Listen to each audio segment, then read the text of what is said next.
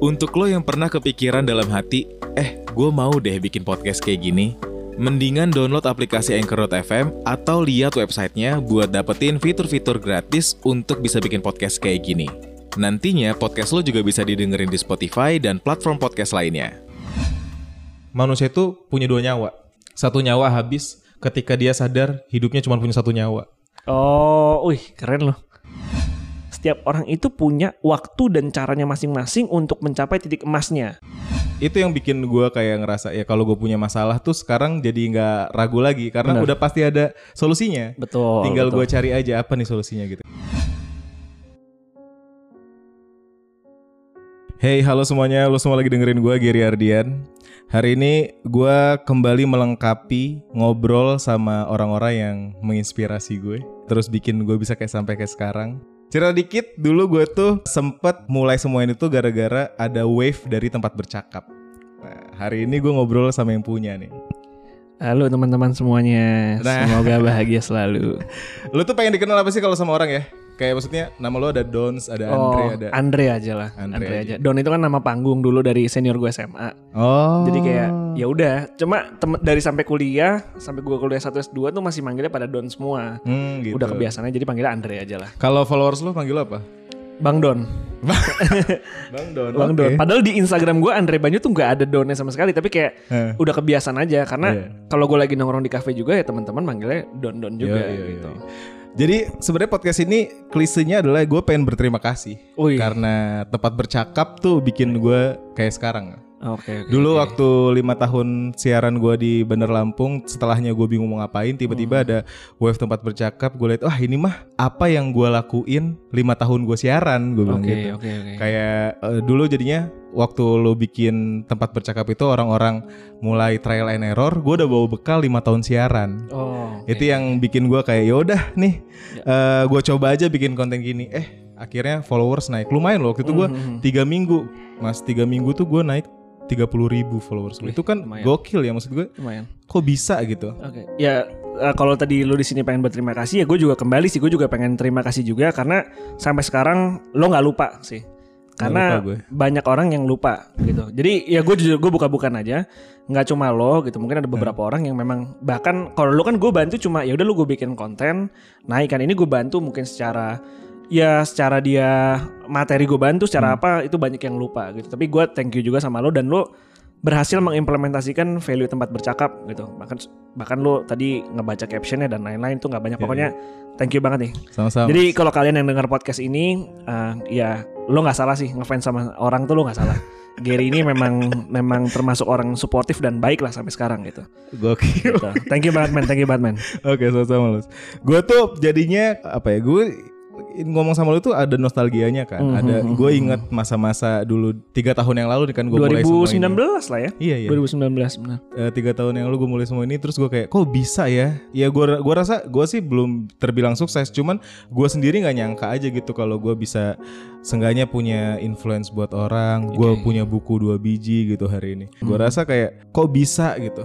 Intinya selama lu berjalan dengan baik dan benar tanpa adanya lu melanggar hukum, lo bukan orang yang bikin one hit wonder, uh, lo bikin satu hal yang eksis karena ketololannya atau apa pun, ya gue bangga sih. Artinya kayak ya gue berthankful juga. Tadi lo bilang lo terinspirasi dan lain-lain, ya gue juga thankful juga gitu. Hmm. Memang kalau gue mengutip sedikit dari lo tadi, jadi gini loh, orang-orang itu kan banyak yang merasa bahwa tempat bercakap ini adalah satu hal yang belum pernah ada sebelumnya. Gitu. Iya. Nah, gue agak nggak setuju gitu. Uh, karena menurut gue kalau misalnya kita ngomongin dari monolog dan dialognya itu udah ada dari ratusan tahun lalu gitu. Mhm. Mungkin gue memformulasikan konten yang baru, ya gue setuju. Tapi ya tadi yang gue bilang sama lu ya tadi sebelumnya kita di sini udah ngobrol di coffee Hmm. shop itu tentang ada salah satu uh, cabang ilmu di filsafat namanya memetics. Uh, itu manusia itu kayak meme gitu, kayak meme. Hmm. Kita itu hanya mengulang apa yang sudah ada sebelumnya, cuma Iya. memformulasikan dalam bentuk yang baru Iya, yang gitu. tadi gue lanjutin dengan There's Nothing You Under the Sun kan. Betul, betul. Kayak jadi semuanya kita kalau kit- itu yang bikin gue kayak ngerasa ya kalau gue punya masalah tuh sekarang jadi nggak ragu lagi karena Benar. udah pasti ada solusinya. betul. Tinggal gue cari aja apa nih solusinya gitu kan. Benar, itu Hmm. gue kan sekarang gini, gue nih cerita sedikit, gue baru pindahan rumah Hmm. dan ketika pindahan rumah itu banyak banget drama yang muncul pak, ntar TV nggak bisa apa segala macam. Banyak orang yang ngeluh tinggal di Indonesia dan banyak orang yang uh, benci men- mengakui menjadi warga Indonesia. Tapi satu-satunya yang gue paling banggain semuanya itu ada tutorialnya di YouTube pak. Tutorial benerin kipas angin tutorial ngerakit meja IKEA dan lain-lain itu banyak. Itu makanya. Gue seneng. Ya kembali lagi uh, meme tics tadi gitu. Ya, bener, bener. sudah ada sebelumnya tinggal diformulasikan yang baru.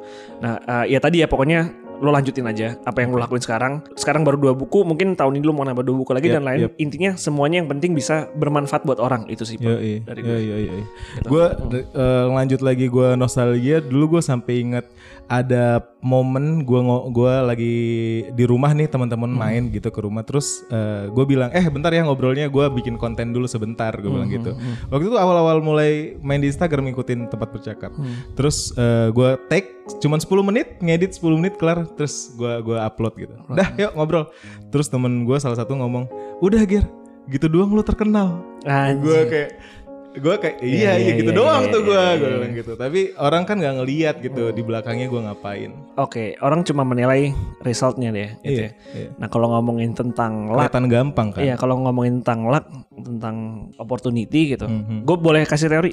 boleh dong itu yang gue tunggu dari lu Iya, iya. teori-teori Jadi kalau ngomongin tentang luck atau keberuntungan, itu gue bisa kaitin sama satu teori eh, yang disebut dengan teori probabilitas. Mhm. Teorinya adalah teori matematika. Hmm. Nah, yang yang bikin itu namanya Blaise Pascal. Dia adalah matematikawan asal Prancis. Mhm. Teorinya itu di tahun 1654, which is udah 400 tahun lalu, Heeh. ya kan? Iya, iya. Jadi kalau misalnya dibilang ada luck itu ada atau enggak, ya ada, karena Oke. sudah dijelaskan dengan teori. Hmm. Buat gua yang percaya sama teori ya. Heeh. Nah, sekarang kita jabarin apa sih teori probabilitas ini? Iya, gitu. Probabilitas itu adalah teori untuk menguraikan ketidakmungkinan. Heeh.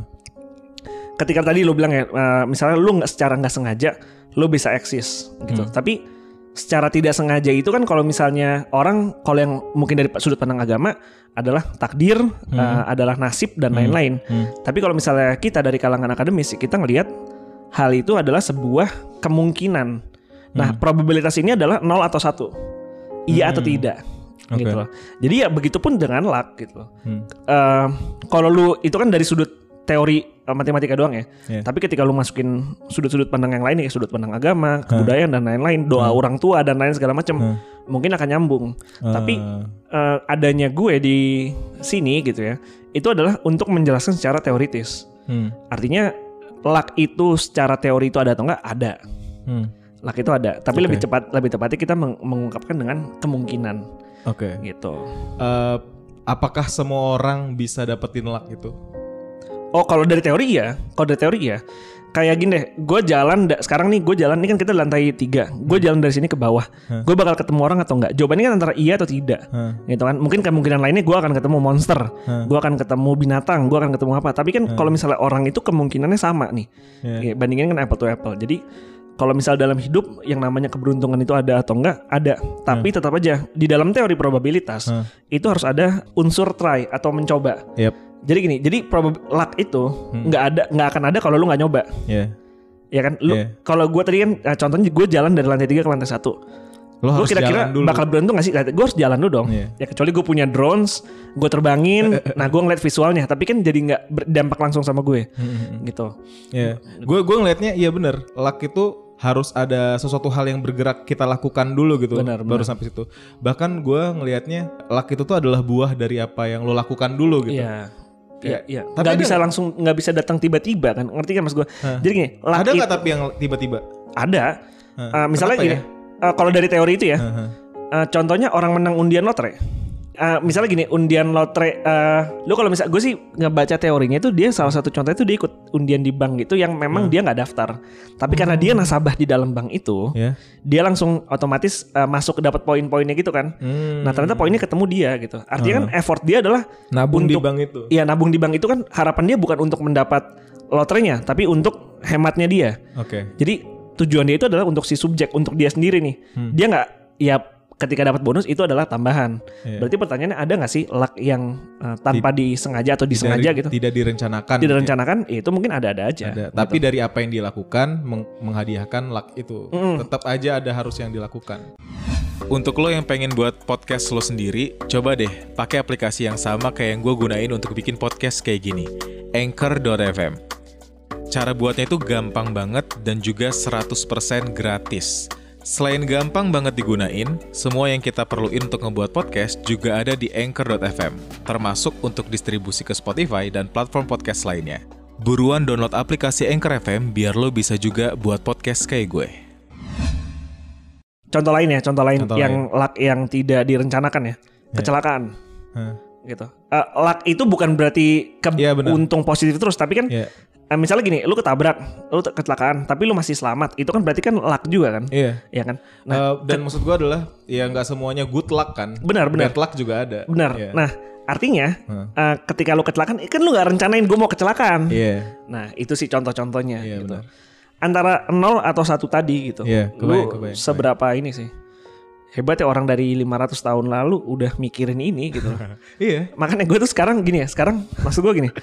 eh, orang gue jujur ya kalau gue ditanya sama orang nih, Andre lu pinter apa goblok? Gue bakal bilang goblok. Kenapa? Karena gue akan membandingkan gue dengan ilmuwan-ilmuwan yang adanya dari 500 tahun lalu yang belum Iya, ada tuh iya. smartphone, Google dan lain-lain Iya. gitu. Karena gue mengindikatorkan diri gue ke situ gitu. Tapi gue ngerasa sepinter-pinternya gue yang dibilang orang, ya sorry itu saya gitu. Tapi akan selalu ada langit di atas langit Hmm. Gitu kan. Dan gue itu kan tugasnya cuma mengulang apa yang udah dari ilmuwan-ilmuwan tadi bilang Iya benar benar. gitu dan gue mencerahkan orang-orang nih gitu. Nah, oke lanjut ke ke luck ya. Hmm. Gua rasa waktu gua di momen itu Hmm. itu tuh kayak leverage moment gitu. Oke. Kayak adalah buah dari lima tahun gua siaran. Gue cerita dikit, Hmm. tiga setengah tahun gue siaran itu tuh gue sempet mau berhenti siaran loh, mas. Hmm. Gue kayak "Ah, ngapain sih gue kayak gini terus? Terus gue sadar kalau itu adalah salah satu pekerjaan yang gue tuh lama ada di situ. Yang lain tuh gue cuman enam bulan kelar, gue bosen setahun, gue bosen gitu. Nah ini tuh Hmm. mau empat tahun gue belum bosen gitu. Gue kayak makin mencintai dunia broadcasting apa segala macam gitu. Nah waktu itu gue mau sempet berhenti. Habis itu gue kayak, oke emang gue udah ngegali semuanya. Emang gue udah tahu nih seluk beluk apa apa selain gue jadi penyiar gitu. Ya akhirnya gue eh, waktu itu lanjut ke Prambors Oke. eh, di Jakarta. Itu gue tahu workflow semua radio itu ke- kayak gimana apa segala macam. Jadi gue itu salah satu keputusan penting tuh dalam hidup gue. Kalau waktu itu gue memutuskan untuk berhenti, gue mungkin gak dapet yang gue dapet hari ini gitu. Jadi gue lanjutin tahu dunia broadcast yang lebih jauh gitu. Terus sampai akhirnya, oke gue udah cukup lima tahun gue berhenti. Habis itu datang leverage momennya. Oke, iya, iya. Wave-nya tempat bercakap. Gue langsung lompat, gue riding the wave, gue langsung. Bagus, bagus, bagus. Ya lu termasuk orang yang bukan beruntung sih, gue bakal bilang eh, pintar mengambil luck tadi gitu loh. Lo tahu nih gitu. luck Jadi juga bisa diambil gitu. bisa dong, bisa dong. Iya, iya, iya. Kan tadi gue bilang tanpa adanya percobaan, tanpa adanya try tadi, ya lu nggak mungkin bisa dapet si luck tadi. Iya benar. Otomatis kan luck ini kan juga harus diraih gitu loh. Harus ada prosesnya. Iya. Nggak mungkin lu tiba-tiba result mengambil luck gitu. Kayak Iya. ah gue iseng nggak ngeposting gambar putih di Instagram, pasti besok gue jadi selebgram. Hah. Kemungkinannya satu banding berapa ratus juta. Eh, tapi tetap ada kemungkinannya. Tetap ada kemungkinan. Contohnya lu tau gak sih yang World Record Act yang Iya, cuma iya, gambar iya, telur? Iya. Gila tuh sampai berapa, Ya, berapa ratus M gitu, juta iya. gitu kan yang yang itu kan. Nah itu mungkin eh, ya meskipun orang melihat itu sebagai luck, tapi gue ngeliat itu memang strategi marketing. Iya benar. Ya kan? Nah artinya em, apa yang ada di dalam sosial media, Hmm. apa yang kalau ini sih yang gue tangkap ya, Hmm. itu kita tidak bisa mengkonsumsi secara mentah Iya benar. gitu loh. Gue kasih contoh aja nih ya kayak ini mungkin agak agak ngelebar dikit. Tapi eh, kayak KKI deh. Lu misalnya lu ngeliat KKI dia di sosial media itu bentuknya kayak gitu. Aslinya dia kayak gitu nggak belum tentu. Belum tentu. Belum tentu kan. Iya.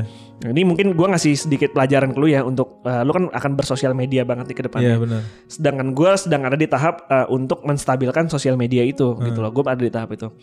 Eh, jangan berlebihan sih intinya. Hmm. Sosial media itu em, menghibur. Heeh. Tapi ketika lu mengkonsumsinya terlalu berlebihan Hmm. dan lu, ketika lu terlalu mempercaya apa pun yang ada dalam sosial media, itu bisa jadi racun.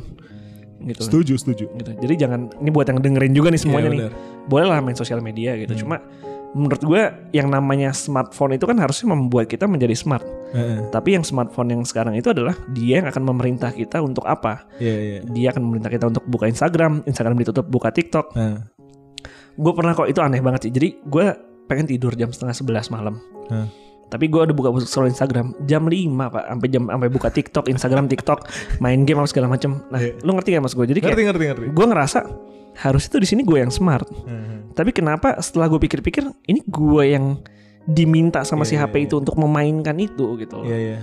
Gitu loh. Gue gua lebih sedikit banyak gue belajar soal stoicism kan. Oke, stoicism. Itu yang itu Sederhana ya. kayak hidup sederhana, terus eh, ad- ada apa yang di kendali kita dan di luar kendali kita gitu, dikotom- dikotomi kendali segala macam gitu.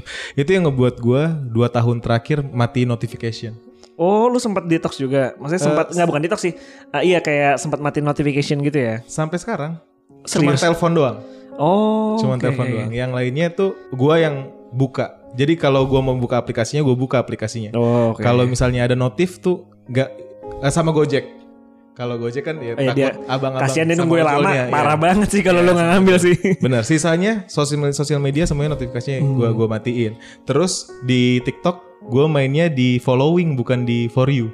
Oh, bukan FYP. Hmm. Bukan ya. Jadi kalau eh, gua tahu ah, eh, gua pas membuka TikTok gua mau ngapain nih?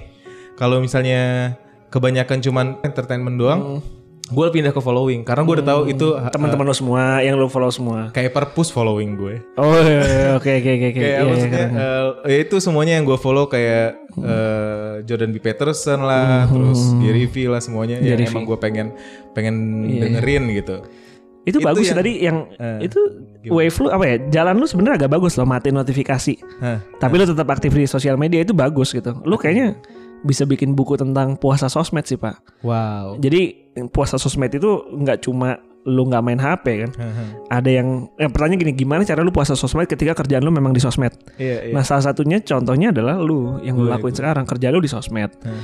Uh, semua karya lu di sosmed, tapi lu bisa membatasi diri lu sama kerjaan lu dengan cara mematikan notifikasi tadi gitu. Bener. Nggak banyak orang yang bisa kayak gitu. Gue termasuk orang yang nggak bisa. Sampai sekarang nih, gue pernah coba uh, puasa media satu minggu Hah. semuanya, tapi udah ada tim gue kan. Hmm. Meskipun semuanya sudah dikontrol dan semuanya itu udah di semuanya, nggak tenang pak.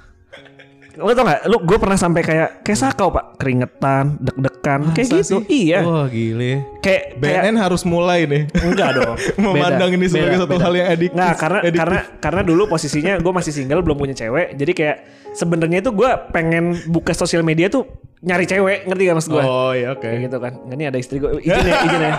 Izin ya, izin, izin. gitu. Nah, gue sih inilah apa gentle aja ngomong di depan istri Iya langsung. benar ya kan ma- dulu. Dulu ya ngomongin dulu nggak apa-apa. Sekarang kan cuma dikit-dikit doang. Iya, nih di sini nggak apa, nih di sini eh di sini nggak apa-apa nih di mobil ntar habis gua. Iya iya iya, Enggak, nggak, nggak, bercanda. gitu.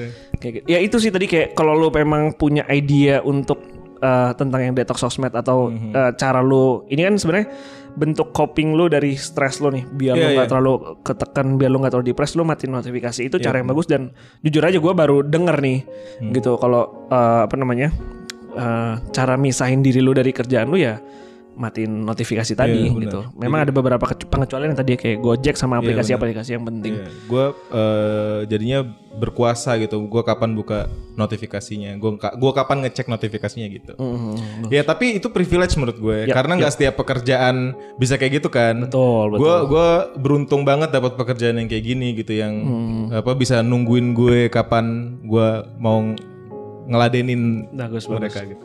Ya, Ya, tapi ketika lu udah mencapai itu ya, ya ketika lu sudah mencapai, gue sih nyebutnya eh, kalau dari paham gue equilibrium ya, jadi Hmm, keseimbangan gitu. Hah. Equilibrium, equilibrium. Widih. Jadi Oh, satu keseimbangan. ya? Eh, intinya kenapa sih gue bikin ini dia? Karena tato yang itu. gue capai ya, yang gue capai adalah yang ingin gue capai adalah keseimbangan gitu loh. Hmm. Kayak kenapa akhirnya gue memutuskan buat nikah? Hmm. karena hidup gue nggak seimbang. Karena Oh. kenapa gue memutuskan untuk oh oh ya, ya, ini gue cerita sedikit agak keluar Iya. nggak apa-apa ya. Jadi gue itu dulu pengen gak nikah pak. Gue pengen gak nikah, gue pengen hidup sendiri Hmm. sampai gue mati gitulah Hmm. ibaratnya. Hmm. Tapi gue tahu ternyata setelah gue pelajari ada ketidakseimbangan di dalamnya, yang mana itu akan membuat diri lu kedorong dari dalam gitu loh Hmm. bukan karena omongan tetangga, omongan orang tua, enggak. Tapi itu dari dalam diri lu sendiri kayak lu tahu nih diri lu tuh nggak seimbang. Wah dulu gue mabok tuh gila-gilaan pak. Hah. Gue minum alkohol itu dalam satu minggu tuh mungkin hampir nggak pernah absen gitu. Wow. Nah kan gue tahu dong diri gue tuh nggak stabil. Makanya gue harus cari orang yang bisa membuat diri gue stabil. Agar apa? Agar gue bisa masih bisa membuat konten. Gue masih bisa meneruskan ilmu ke masyarakat. Hmm. Agar gue bisa A, B, C sampai Z kayak gitu. Hmm. Nah di situlah makanya em, tadi ya dalam sosial dalam eh, bermedia sosial dalam lu tadi kita ngomongin dari awal tentang luck tadi Hmm. intinya manusia itu sebenarnya harus mencapai titik keseimbangan tadi gitu loh nah cara untuk mencapai titik keseimbangan ini macam-macam ada yang dengan cara kayak gue misal gue menikah dan lain-lain tapi ada juga yang mendekatkan diri ke Tuhan Hmm. nah ketika orang mendekatkan diri ke Tuhan itu sebenarnya juga ingin mencari keseimbangan pak Iya, kebayang. dia tahu nih oh gila duniawi gue udah terlalu parah nih Hmm. Harusnya gue cari nanti kebutuhan surgawi gue mendekatkan ke Tuhan gitu. Iya. Soalnya sampai sampai kita sampai ke awareness itu juga ke kita aware akan ketidakseimbangan diri kita aja itu proses eh, kita harus ngelewatin proses-proses gitu. Nggak semua orang loh sadar kalau diri mereka nggak seimbang nggak seimbang. Betul, betul. Gue bilangnya eh, semua orang tuh sakit tapi mereka nggak sadar aja. gitu. Iya, iya, iya. Kalau misalnya mereka jadi begitu mereka sadar Oh ya ini gue harus memperbaiki hidup gue yang ini gitu, baru mereka eh, bisa bisa bisa hidup lebih baik gitu. Quotes yang gue suka soal ini tuh, gue lupa siapa yang ngomong ya. Cuman dia bilang manusia itu punya dua nyawa, satu nyawa habis ketika dia sadar hidupnya cuma punya satu nyawa. Oh, wih, keren loh. Keren. Keren keren Gua- kata-katanya bagus banget tuh. Iya. Setelahnya dia langsung hidup semaksimal mungkin gitu. Iya, iya, iya. Keren keren keren. Seimbang. Iya kalau ngomongin quotes juga gitu. Jadi ini juga kayak eh, lo ngeliat gue di sosial media, aslinya itu gue sebenarnya 180 derajat berbanding terbalik. Kayak gue tuh orangnya tiap hari yang suka bercanda, ngomong tuh nggak pernah bener. Lu tadi denger kan jokes gue kan dark dark banget gitu kan, gitu kan. Tapi gue nggak mungkin ngomong itu di sosial media, gitu. Jadi kayak gue sekarang tuh lagi senang-senang bikin quotes quotes kocak gitu loh pak. Kemarin gue Oh, bikin gitu. quotes gini. Cinta ini kadang-kadang tidak ada Logitech gitu ya. Lo, lo, lo tau merek itu kan Logitech? Iya Logitech. Ya kayak gitu-gitu lah gue lagi senang-senang bikin quotes gitu. Nah Iya, iya, nanti ini for your teaser aja. Jadi gue di konten di 2022 ini bakal banyak konten-konten nyeleneh lah Oh gitu. kayak gitu. Salah satunya kemarin gue bikin tuh baru bikin juga. Jadi ada orang ke dokter gitu kan. Hmm. Dokter tolong dokter, saya suka pusing-pusing. Kata dokter, ya kalau suka, terusin aja, nggak apa-apa.